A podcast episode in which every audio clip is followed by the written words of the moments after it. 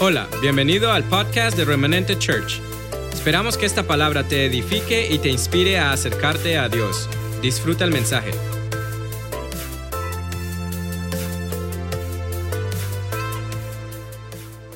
Estamos en el seriado Dios de la bendición.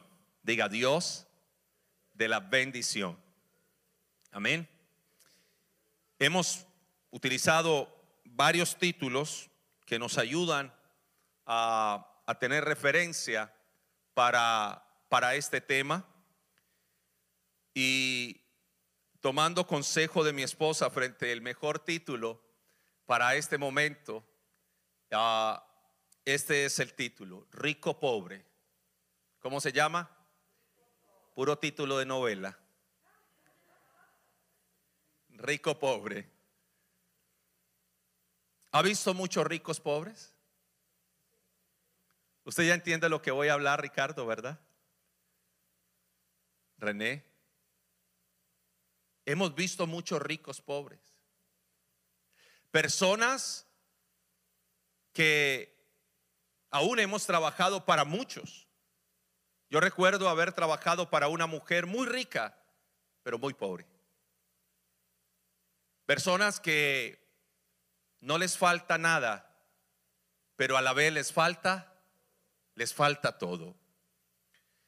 Y preparar esta palabra ah, me reta a algo que parecería sencillo, pero no lo es. Y es, aunque tengamos 40, 50, 60, 70, 80, 90, 100, seguir teniendo un corazón, un corazón que se goza y disfruta, un corazón que dice la Biblia sean como, como niños, un corazón que se alegra, un corazón que se ríe, un corazón que, que puede regalarle una sonrisa a la persona que tiene a su lado. Como decía una mamá a su hijo, muestre los siete mil dólares. Referente a la ortodoncia porque no se reía. Decía, muestre los siete mil dólares. Ok, mire el que está a su lado y dígale, no sé cuántos dólares le va a pedir que muestre, pero tiene que ver con reír. Así que vamos a arrancar este momento con un, un versículo, dos versículos de introducción. El Salmo 126, 5. El Salmo 126 habla acerca de soñar habla acerca de que cuando una persona es libre, es una persona que sueña. No, no hablo del sueño como, como un ciclo de vigilia, hablo de sueño como una visión. Y cuando la Biblia dice que cuando el Señor hiciere volver de la cautividad a seremos como los que sueñan. Y dentro de todo ese contexto de este salmo, en la parte final de este salmo, entonces el salmista escribió y dijo, el que con lágrimas siembra, con regocijo cosecha. Otra vez, el que con lágrimas siembra, con regocijo cosecha. Había ah, pasado muchos momentos difíciles al momento de terminar mi último examen de la carrera de psicología y recuerdo que cuando presenté el examen, el profesor lo pasé, el profesor inmediatamente lo calificó. Y cuando lo calificó me di cuenta que había ganado ese examen con un puntaje muy bueno y me puse a llorar. Y mis compañeros decían, si Villa lo perdió, estamos fritos. Y yo no lo había perdido. Pero créame que cuando usted ha vivido un proceso tan fuerte, tan fuerte, cuando, cuando has has, cuando te ha sacado el proceso lágrimas, lo valoras más. Lo valoras más. Porque sabes que te costó y que la sufriste. Y una de las cosas más tremendas al sembrar es que no se ve. Cuando usted empieza, hay, hay, una etapa que se llama etapa de latencia o etapa del vacío o el día o el día cero. Es donde usted no ve. Cuando usted empieza a hacer ejercicio, a mí me da risa porque el primer día usted se mira al espejo y se pesa. ¿Y qué pasa? Nada ha pasado. Me daba risa porque en estos días hemos tenido mucha actividad y yo dije, yo creo que estoy más bajito de peso. Así que con orgullo me compré una pesa. Y fui y me pesé. Y tengo las mismas 180 libras. Oh, pero había leído un libro que se llama Hábitos Atómicos y dice que hay una etapa donde usted va a ver que nada ha pasado. Y usted por eso se frustra, porque usted dice, pero si lo intento, si me estoy tomando lo que me mandaron, si estoy haciendo ejercicio, ¿por qué no bajo? Porque hay una etapa de resistencia en su cuerpo donde no quiere bajar. Su cuerpo no le gusta perder calorías, por eso las guarda. Esto no es gordura, es reservas de caloría. Entonces, las guarda y por eso se resiste hasta que usted puede más, su voluntad puede más que la resistencia de su cuerpo y empieza a bajar. Así que muchas veces usted va a sembrar con lágrimas y va a estar en etapa cero donde no ves nada y usted dice, pero no pasa nada. Revuelque al que está a su lado y dígale, está pasando algo está sucediendo, pero no veo. Oye, no vayas a abrir, no vayas a abrir, deja la semilla ya que ella tiene el poder sobrenatural de Dios para germinar. Pero yo quiero mirar si ese frijolito en ese vaso ya no, déjalo. ¿Te acuerdas que a uno lo ponían a sembrar un frijol con algodón y no sé qué? Tienes que dejar que el proceso, porque vas a recoger con alegría. Pero la espera, yo sé que no es fácil. Lo mismo cuando estamos frente a un proceso de alguien, ya sea clínico, ya sea de relación matrimonial, cuando estamos modificando conductas y cosas y hábitos y a veces nos frustramos y decimos, no, es que esto, yo no veo nada, pero sí está pasando algo. El, el sábado aquí en intimidad, en el tiempo de oración, hablé acerca de, del, día, del día sábado. Recuerde que Jesús murió el día comúnmente murió el día viernes, aunque podríamos hablar ya con estudios más profundos de la palabra y decir realmente qué día murió, pero comúnmente murió el día viernes, viene el sábado y resucita él, pero hay que pasar por el sábado. ¿Y qué pasó el sábado? Nada. Hasta que vino él domingo y en el domingo ¿qué hizo? Resucitó. Así que amados, tal vez con lágrimas usted ha dicho no pasa nada, pero hay un poder de resurrección en nosotros. La Biblia dice en Romanos 8, si el espíritu de vida que resucitó a Jesucristo entre los muertos mora en nosotros, el que resucitó a Jesucristo de entre los muertos nos resucitará a nosotros. Eso es tremendo, eso es un verso hermoso que está en Romanos 8. Pero todos tenemos un momento donde no vemos. Y parte de eso, ah, cuando no lo entendemos, nos hace, nos hace perder el gozo. Y es lo que yo no quiero que usted pierda hoy. La Biblia dice que en todo hemos sido enriquecidos. Si usted mirara el porcentaje de pobreza en el mundo, si yo comparo lo que usted gana aquí con lo que uno gana en Colombia, uno se ríe. Porque nuestro salario mínimo en Colombia está en 200, 245 dólares mensuales. 245 dólares mensuales. Pero hay países donde su salario mínimo es 100 dólares. Y si nos vamos a otros países su salario mínimo son 40 dólares mensuales. Y podría seguir bajando, donde no le creerían a uno que el carro tiene, tiene garaje. Donde no le creerían a uno que usted le paga a la gente para que le ayude a adelgazar. Donde no le creerían lo que usted se come. Y usted es un bendecido. Revuelque al que está a su lado y dígale, usted es un bendecido. Usted es un bendecido del Señor. Y yo he estado en misiones en, mi país, Colombia, donde de verdad bañarse es un privilegio. Y usted aquí puede abrir su llave con agüita caliente, aunque haga mucho frío.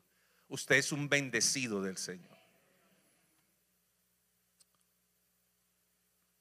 En Lucas capítulo 12, versículo 15, tomando el primer punto de este día, es no seas avaro, siembra.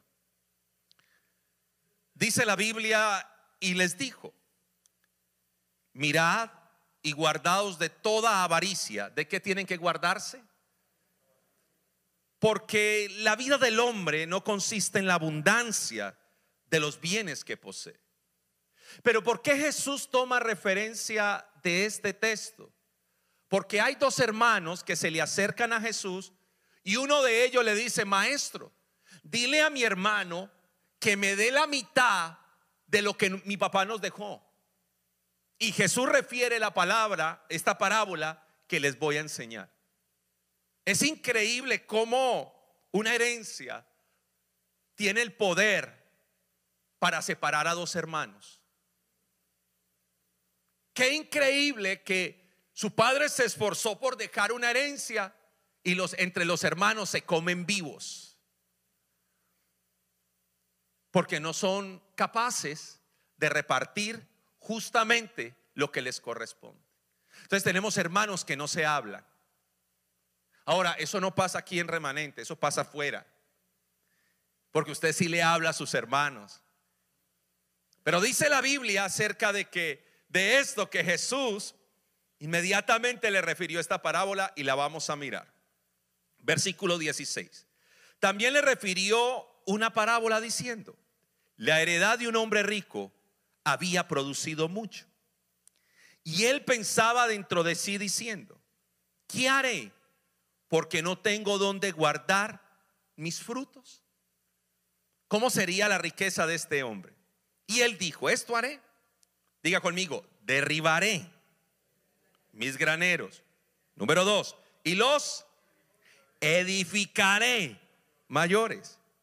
Y allí, tercero, tercer verbo, los guardaré en infinitivo, todos mis frutos y mis bienes. Ah, una cosa más. Y le diré a mi alma, alma, muchos bienes tienes guardados para muchos años, así que repósate, come, bebe, regocíjate. ¿Había algún pecado en ese hombre desear ello? No. Versículo siguiente, pero Dios le dijo, suele Dios hablar así, le dijo, necio, esta noche vienen a pedirte tu alma y lo que has provisto, ¿de quién será? Versículo 21, así es el que hace para sí tesoro y no es rico para con Dios o con Dios. Estaba en la policía, trabajé para ellos hartos añitos, pero en ese momento estaba prestando mi servicio militar y le había predicado a un comandante mío. Él cantaba salsa, le decíamos el Nietzsche. Y él me dijo, Juan, la verdad es que estoy muy joven para seguir a Jesús para seguir este camino. Estoy muy joven. Esa noche al terminar su servicio se cambió porque nos pedían no ir uniformados a casa por, por temas de, de, orden eh, armado allí en Colombia. Y llegando a su casa habían dos vecinos que estaban peleando, discutiendo. Y uno de ellos sacó un arma y él, y él estaba pasando allí y le dijo, hombre, no, y le pegó un tiro aquí en la cabeza a Nietzsche. Estaba muy joven para seguir a Jesús. ¿Cuál es el problema de este hombre rico? Si fue próspero, si fue bendecido, si lo que él estaba pensando era expandirse, dijo, ¿dónde meto todo lo que tengo? Aquí no toca más sino abrir más graneros. Porque usted ha visto cuando usted alquila aquí un lugar, yo no sé si es mi impresión o para usted normal, pero usted va y alquila un lugar para usted guardar cosas. Y yo veo esos lugares y yo dije, eso debe ser grandísimo. Cuando alquilamos uno aquí para guardar eh, archivo de acá de la iglesia, cuando abrimos, yo vi algo tan pequeño que yo dije, ¿y dónde vamos a poder meter todo este archivo? Y hubo que virar uno más grande. Pero esto de, planear expandirse y, guardar y, y disfrutar, ¿eso está bien o está mal? Está bien. Él quería expandirse. Pero ¿dónde estuvo su pecado? ¿Dónde estuvo su maldad? ¿Dónde estuvo el problema? ¿Ah? ¿Sabe? Está aquí, versículo 18 dice, derriba, de, edifica, de, guarda, de, todo él. Dice que hizo riqueza para él el yoísmo, exacto, el yo. Yo puedo, yo conseguí esto, esto es mío. Amados, revuelque al que está a su lado y dile, ¿quién te bendijo? ¿Quién te proveyó? ¿Quién te abrió la puerta? ¿Ah? Diga Dios. ¿Sabía usted? ¿Sabía usted que jamás puede salir de su casa diciendo, me voy y llegaré? Dice Santiago que dirás, con la ayuda de Dios lo haré. Otra vez, ¿cómo? Santiago dice, con la ayuda de Dios lo haré. Pero cuando empieza el yoísmo, yo, es que yo, yo, Dios dice, necio, esta noche vengo a pedir tu vida. Y se murió. El desgraciado se murió. ¿Por qué? Porque no tuvo en cuenta a Dios. Y cuando no se tiene en cuenta a Dios, entonces Dios no está en la ecuación. Dios guarda lo que tú le das a guardar. Pero no puedes reclamarle a Dios algo que tú no diste a guardar. Amados, el problema está en hacer tesoros para nosotros y no para con Dios. El problema está en creer que es tus fuerzas y no las fuerzas de Dios en ti. Número uno, no avaricia. Hace tres días vi el informe de un basquetbolista aquí en Estados Unidos, donde él hablaba de su riqueza y dijo, yo soy rico, yo soy rico, no mi familia. Excluyó de su riqueza a sus hijos y a su esposa. Y yo dije, este es un necio, porque no se trata de ti, se trata de todos. Todos o nada. Dígalo conmigo, todos o nada. Ahora, Deuteronomio 8:18 dice, Deuteronomio 8:18, facilito de aprender. Si no, acuérdate. ¿Cómo? Si no, acuérdate de Jehová tu Dios, que Él te da el poder para hacer las riquezas. ¿Qué dice la palabra? Si no, acuérdate no tengas mala memoria. Número dos, no tenga mala memoria. Acuérdese. ¿Y por qué es importante acordarse? Le voy a enseñar un principio del diezmo. El diezmo en la décima parte. Son cinco, cinco principios financieros. Primero el diezmo, en la décima parte de lo que yo gano. Y yo de eso aparto lo que es de Dios. Segundo principio es la ofrenda, algo voluntario que aparto para dar a Dios. Lo tercero es la siembra.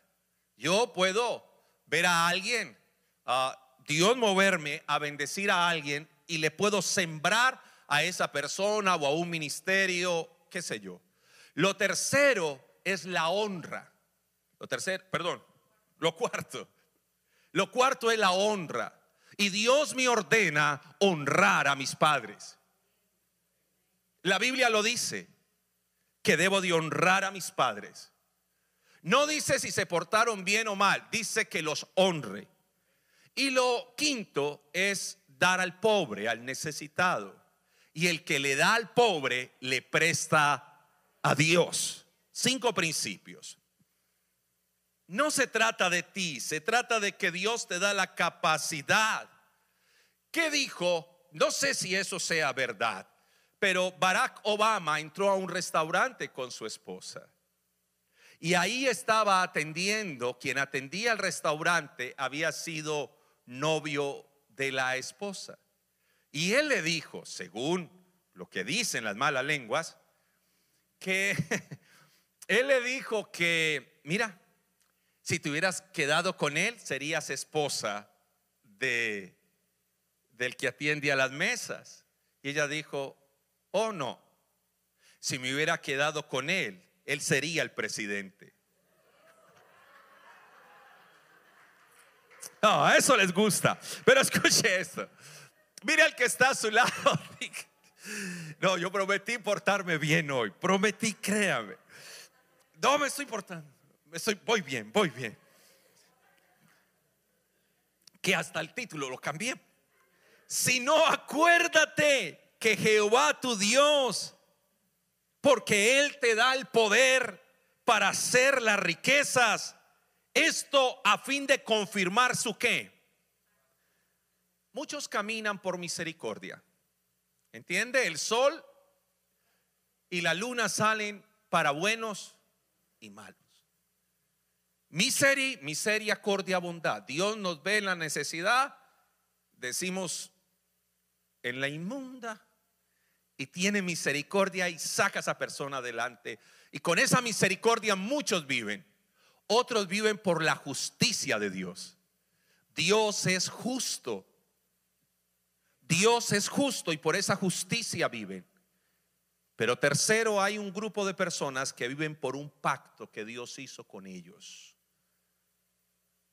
Esos se encuentran sentados en unas sillas azules o grises o tornasoles. Y viven por un pacto que Dios juró sobre ellos. Tú vives por pacto. El enemigo no te puede tocar porque hay un pacto de Dios sobre ti. Dios promete una victoria porque hay un pacto, porque Dios es un Dios de pactos. Los contratos tienen límite, los pactos son eternos, nunca olvide eso. Así que no seas temporal, es el tercer punto, no seas temporal. Eclesiastés 11:4. Olafo el amargado, perdón, Salomón escribió en Eclesiastés después de que se volvió al Señor. No es que sea Olafo el amargado, sino que dijo que todo era vanidad, que todo era temporal. Pero en esto dice, no seas temporal. Eclesiastés 11:4 dice, el que al viento observa no sembrará. Recuerdo esos días que retí a la gente a servir aquí en la iglesia y me hicieron reír, me hizo reír una joven que dijo, pastor, me tocó porque eso lo digo yo. Y le dije, ¿qué dices? Eso que usted dijo que no arrancó en enero porque de pronto viene febrero y de pronto se aparece en marzo, abril, pero yo creo que arranco en mayo, pero Día de la Madre en mayo, no, junio, peor Día del Padre.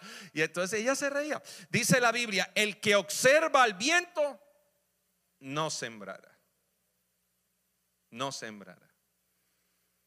Y el que mira las nubes no cegará. No, pastor, es que usted no sabe. No, yo que voy a comprar casa ahora en pandemia. ¿Cuántos compraron casa en pandemia? ¿Cuántos hicieron negocio en pandemia? ¿Cuántos crecieron en pandemia? Porque usted tiene un pacto. Revuelque el que está a su lado por Dios y dígale, tú tienes un pacto de Dios. ¿Entiende? O sea, usted tiene la misericordia de Dios. ¿Cuántos dicen amén? Usted tiene la justicia de Dios. Pero usted tiene un pacto sobre su vida. Entonces dice la Biblia, el que el viento observa no siembra y el que mira a las nubes no cegará, muy temporal.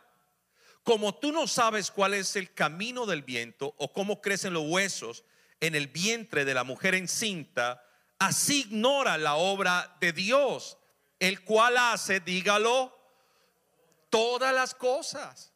Deja de ser temporal, deja de ser microondas. Y empieza a percibir y a mirar como Dios obra, porque Dios no obra como los hombres obran, Dios obra como es Él. Y cuando aprendes a conocerlo y sus maneras de obrar, te gozas Porque cuando vienen obstáculos, pruebas, dificultades y todo lo que se ha vivido en estos días, hijo, Sabes que Dios está haciendo algo. Y la gente diría, no, el enemigo te tiene agarrotazo. No sé cómo se traduzca eso. No, ¿sabe que no? Todos en la vida vivimos circunstancias difíciles. Por eso se llaman circunstancias, porque son temporales. Todos hemos tenido una mala noche. Todos sabemos lo que es una diarrea e ir en un taxi lento. dice, tengo que irme. Y se monta en el carro y ahí va el viejito. Usted dice, esto no puede ser, señores. Todos hemos tenido un momento penoso. Todos hemos vivido un momento penoso. Cuénteme su, su, su, momento penoso, su momento difícil. Si usted dice, ay, ¿por qué me pasó esto a mí? Todos lo tenemos. Y no quiere decir que Dios no nos ame. Diga circunstancias. Vamos, dígalo, circunstancias. Tenía que ir a predicar a un lugar. Y mi jefe me dijo, Villa, eh, ven, sácame unas cosas del carro. Y yo fui y se me cayeron las llaves justamente por la indígena endemoniada esa entre el ascensor y el piso. Se fueron por ahí. Y yo ya estaba con, con traje para ir a predicar. Yo dije, diablo mentiroso corrí al administrador del edificio que se iba y le dije, qué pena. Y me dijo, ya no tengo empleados que te la saquen, tienes que sacarla tú. Hermano, camisa blanca, ¿usted sabe cómo quedó? Lo único que salvaba era eh, la chaqueta que la estaba. Quedé engrasado hasta que ya. Y uno dice, diablo, mira, tal vez Dios está procesando algo en tu vida. ¿Qué tal la paciencia? ¿Sabía usted, sabía usted que entre más usted es líder, entre más autoridad, menos le gusta esperar? Entre más uno tiene autoridad, entre más tiene nombre, eh, soy el gerente de la compañía, soy el pastor. y no nos gusta esperar. Pero parte del proceso en la vida es ser paciente. Usted llega y dice, ah, y usted tiene que esperar. Y tiene que llegar a la fila y esperar. Y esta pandemia nos enseñó eso. La gente como loca salió a correr, a comprar papel higiénico, pero créame que esa no era la solución. pero voy a seguir predicando. Oh, versículo 6 dice, por la mañana siembra tu semilla. Por la mañana siembra tu semilla. Y a la tarde no deje reposar tu mano, porque no sabes cuál es lo mejor, si esto o aquello, si lo uno o lo otro es igualmente bueno. No se siembra una, una semilla y te quedas ahí esperando, voy a ver. No, Mueva al que está a su lado y dígale, ciclo de crecimiento en tu vida. Vamos, vamos, ciclo de crecimiento en tu vida. Llega, se los voy a mostrar. Están pescando toda la noche, no pescaron nada. Y en la mañana viene Jesús y les dice, ah, mar adentro y tiren la red a la mano derecha. Entonces Pedro le dice, Señor, toda la noche le dimos y no hemos pescado nada. Mas en tu nombre echaré la red. Ciclo de bendición. Muévete. Dice la Biblia, no te quedes ahí parado. Muévete. Siembra. Muévete. Mientras esto crece, estás haciendo otra cosa. Estás haciendo esto y voy a hacer esto también. Porque tienes la capacidad de crecimiento. No me diga que no se puede. No me presente esta tierra como una tierra difícil. Me di cuenta que eso es una mentira. Porque yo veo pastores con unas iglesias tremendas, con unos equipos tremendos, trabajando, llevando reino. Y a mí lo primero que me dije, ahora, hay un tema cultural que no puedo negar. Yo lo, yo lo he tenido que aprender. Pero yo creo que estamos en una iglesia con un potencial de crecimiento tremendo, con una capacidad de reino tremendo. No, pero que vamos a hacer cosas aquí si la gente no se compromete si no viene. tenemos capacidad para crecer. Tenemos capacidad para crecer. Tenemos capacidad para hacer. Ese teléfono no suena, de- no para de sonar. De tu familia vale la pena. Las mismas necesidades que yo he visto en mi país las he visto aquí. Gente endemoniada, maridos infieles, mujeres amargadas. No aquí en la iglesia, hablo pues de aquí del país. Ahora lo que yo, no se preocupe, no se preocupe. Eh, yo estoy viendo una cantidad de necesidad igual, igual, mismo diablo. Yo le pregunté, ¿y cómo se llama? ¿Qué se llama igual?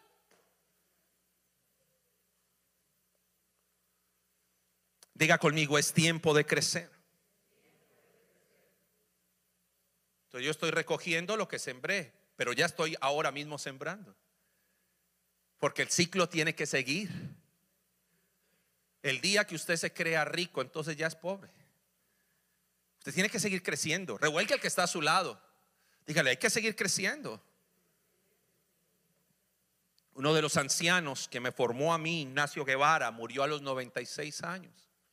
Y a los 94 años estaba creando una, fundación grandísima en Colombia que se llama Paria o Indigente, Solitario. 94 años montando una fundación. Después de, de- de abrir más de mil iglesias, dijo, yo solo he colocado un granito de arena en el universo.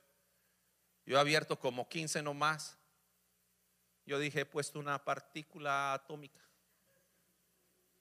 Pero qué bueno tener la mentalidad de un hombre de 94 años que se sienta como uno de 50. Pero hay personas aquí de 50 que dicen, Señor, llévame contigo. Se acabó la vida. Hermano, deje de estar llamando la muerte. Dios no es sicario.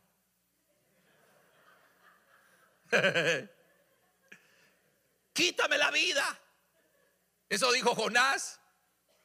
Deje de tener el espíritu de Jonás. Deje de estar llamando la muerte. A los 60 usted está joven. A los 50 está joven. A los 80 está mejor dicho. Algo le duele a uno, pero está bien. Hey. La vejez está en la mente. La, la vejez está en la mente. Porque la Biblia dice, aunque hombre, este hombre exterior se desvanezca, el hombre interior se rejuvenece.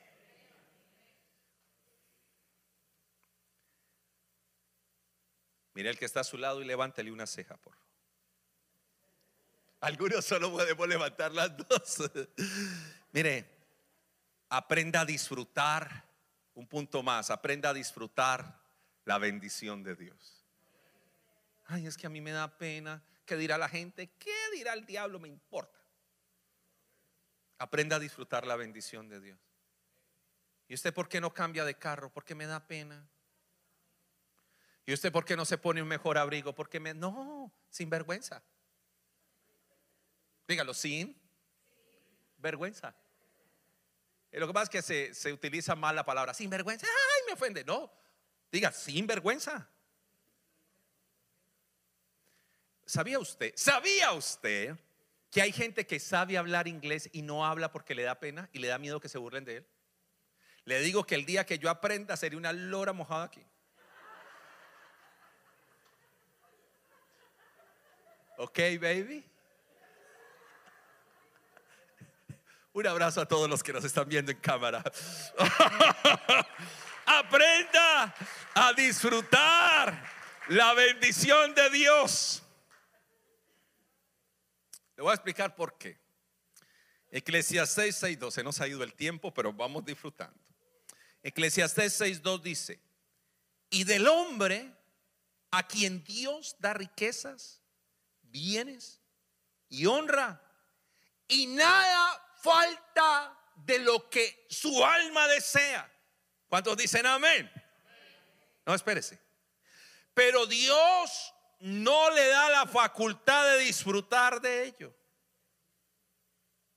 sino que lo disfrutan los extraños. Ah, eso es vanidad y un mal muy doloroso.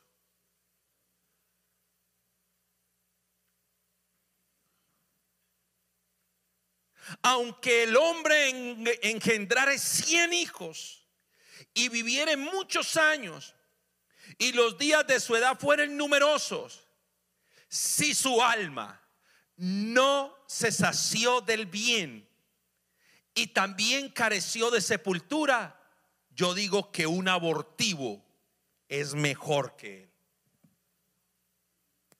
No disfrutó. No disfrutó. Trabajar sin disfrutar. Voy a decir el día que yo entregue este ministerio. Lo entregaré cuando ya no lo disfrute. Pero mientras lo disfrute, lo haré con todo mi amor. Pero el día que no, prefiero decirle a mi apóstol, apóstol, perdí el gozo, perdí el sentido, estoy predicando amargado, porque les voy a hacer daño. ¿Cuántos están alegres? Como decía un humorista Montreal, hijos de Barrabás. O sea, amargado el tipo. Amargado. ¿Cuál hijos de Barrabás? Somos hijos de Jesucristo. Aleluya. Pero amargado. El amargado llega, no ve parqueo y ¿qué dice? Me voy. El otro va hasta la esquina y dice, mejor voy a adelgazar. Amados, hay gente rica, pobre, porque no disfruta. Pero hay una promesa de Dios para tu vida. ¿La quiere? Se la voy a leer. Preste la atención. Isaías 65, 22. No edificarán para que otro habite, ni plantarán para que otro coma. No está diciendo de que no demos, está diciendo de la muerte del de arriba, del otro. Porque según los días de los árboles serán los días de mi pueblo. Y mis, mis escogidos, diga, dígalo, dígalo, dígalo, disfrutarán la obra de sus manos. No trabajarán en vano, ni darán a luz para maldición, porque son linaje bendito del Eterno y sus descendientes con ellos. Y les voy a jurar algo. Antes, antes que clamen, responderé yo. Y, mientras aún hablan, yo habré oído. Amén. Wow. Esto es reino. Disfruta lo que tienes. El principio de la bendición está en disfrutar lo que tienes. Gozarte. Porque no pasará, viva Jehová en cuya presencia estoy, que no pasará así entre nosotros. No habrá amargado en esta iglesia. No. No habrá quien muera sin disfrutar lo que, lo que, lo que construyó. Disfrutará lo que cocina. Di- Disfrutará su almohada, la babosa. Disfrutarás levantarse. Oh, y otra vez No, lo disfrutará. Disfrutará del frío. Disfrutará de su trabajo. Disfrutará lo- la bendición que Dios te entregó. Disfrútela. Ole, ¿otra vez te vas a ir de vacaciones? Sí. ¿Y qué?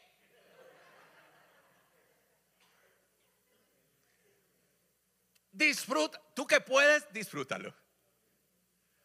Disfruta. Cómprate ese helado que quieres. Cómprate lo que quieres comprar, cómpralo. Disfrútalo. ¿Y qué dirán? ¿Y qué? Porque bíblico es que disfrutes de la obra de tus manos.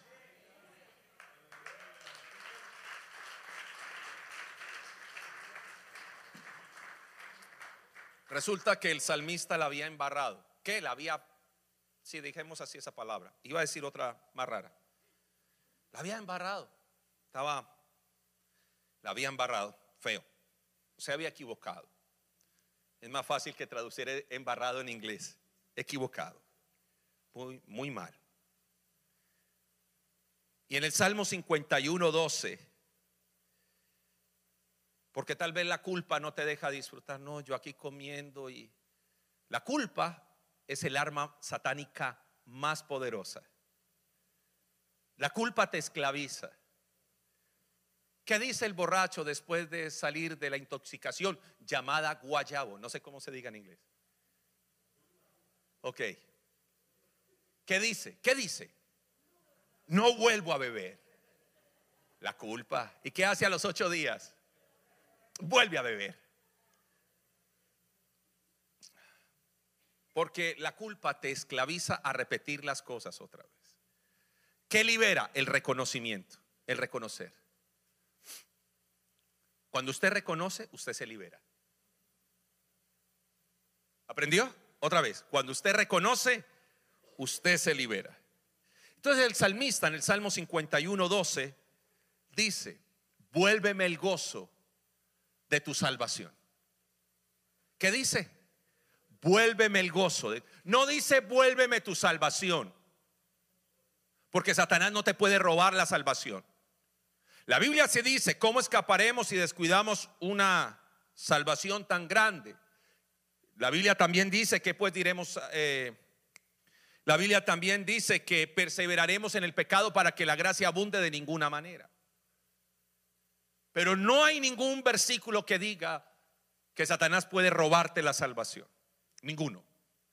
Hay uno que dice, si fuere posible, si fuere posible, engañar a los escogidos. Eso es lo más cercano a lo que dice. Si fuere posible. Pero no dice que te puede robar la salvación. Pero sí te puede robar el gozo. Sí te puede robar la alegría. Sí te puede robar la paz. Y por eso el salmista le dice, Señor, vuélveme el gozo de la salvación. Porque algunos lo perdieron. Perdieron el gozo de su hogar. Es, el ambiente extenso. Uno dice, uno va a visitar un ejemplo. Hola, ¿qué más? Y todo el mundo, bien, pastor, bien para no preocuparlo. Muy difícil, porque uno no sabe. Eso, eso es peor que estar uno en una, en una casa o, hablando con alguien y ver a una pareja pelear. Uno dice, ay, tierra, trágame. Amados, ¿será que el enemigo te ha robado el gozo? y estás trabajando con amargura. Peor, venir a la iglesia en amargura. Señor, voy a ir a la iglesia por obediencia, pero tú sabes. Y aquí empieza a cantar Cristian. Hay un gozo que no puede parar. Y el endemoniado dice, ay, otra vez con esa canción. Diga, Señor, vuélveme el gozo. Levante sus manitos. Dígale, vuélveme el gozo. Mire lo que dice Deuteronomio 28, 47. Aprenda a disfrutar de la bendición. Dice, por cuanto no serviste a Jehová tu Dios con alegría y con gozo de corazón, por la abundancia de todas las cosas. No, entiendo ese versículo. Que alguien me diga, como dice la canción, por cuanto no serviste a Jehová tu Dios con qué? Por la abundancia de todas las cosas. ¿En serio? Mira al que está a su lado y dígale, ¿en serio? O sea, ¿no va no le vas a servir a Dios con alegría en esa abundancia? Entonces dice la Biblia, por no servir con alegría. Por tanto, servirás por tanto a tus enemigos que enviaré que que Jehová contra ti con hambre, con sed, con desnudez y con falta de todas las cosas. Y él pondrá yugo de hierro sobre tu cuello hasta destruirte. ¿Por qué? Porque serviste a Dios con amargura. Toda la bendición del Señor y no lo disfrutaste. Toda la bendición que nos ha, la salvación tan grande y amargado Casi que está diciendo, entonces ahora sí le voy a pegar para que llore. ¿Usted por qué está llorando? ¿Usted por qué está llorando? Yo no le he pegado. ¿Usted por qué llora? Ahora sí, tenga para que, para que llore. Algo parecido. Perdón que sea tan melodramático. Pero así le, eh, le pegaban a uno.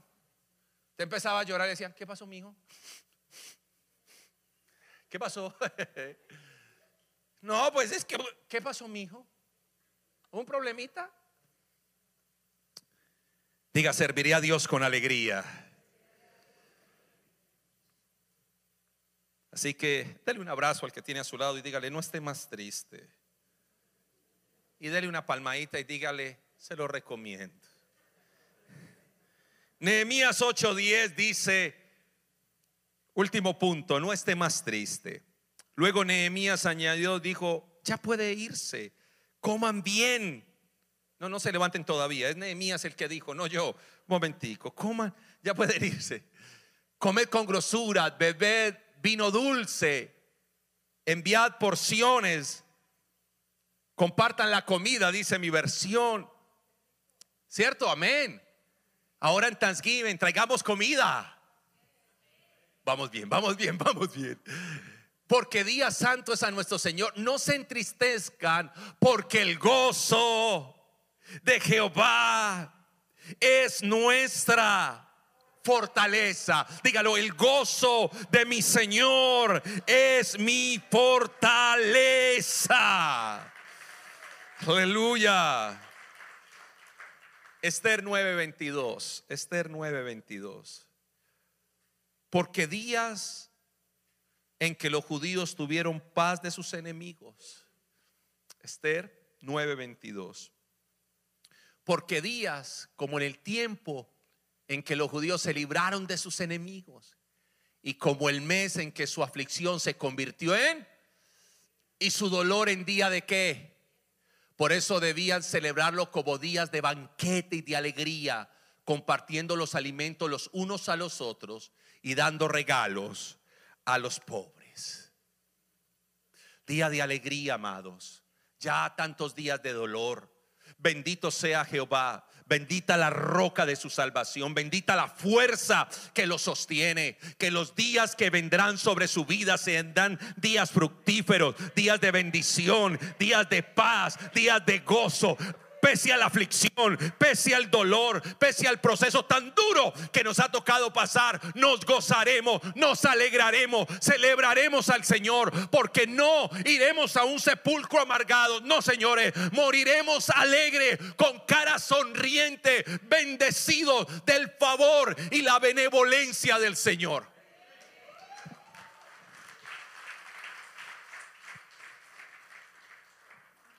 Cierro. Isaías 9:2.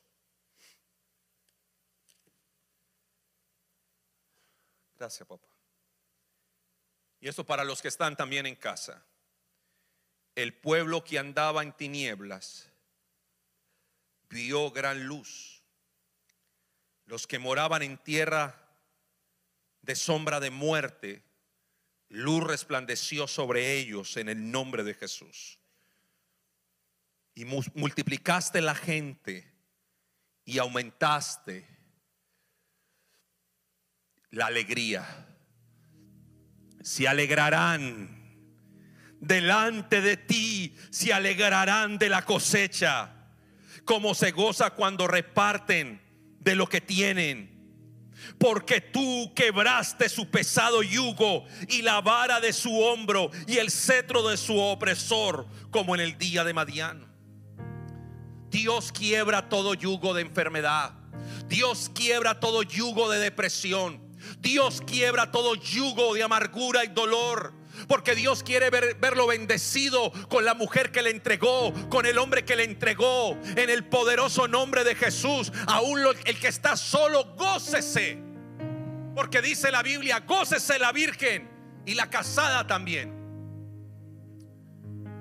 Hoy todo opresor se rompe en el nombre de Jesús. Todo opresor, todo opresor, todo opresor, Dios lo vence. Hoy vuelve el gozo de tu salvación, la victoria que Dios te entregó. Así que reciba sanidad, reciba liberación. Y si alguno hay aquí, que quiere entregarle su vida a Jesús. Por favor, bajen todos sus manos por esta oración que voy a hacer. Si alguno está aquí o en casa y quiere entregarle su vida a Jesús, solo levante su mano. Si alguno se quiere reconciliar con Jesús, levante su mano. Esperamos que este mensaje haya sido de bendición. No te olvides de suscribirte a nuestro podcast y seguirnos en Facebook e Instagram arroba remanente church.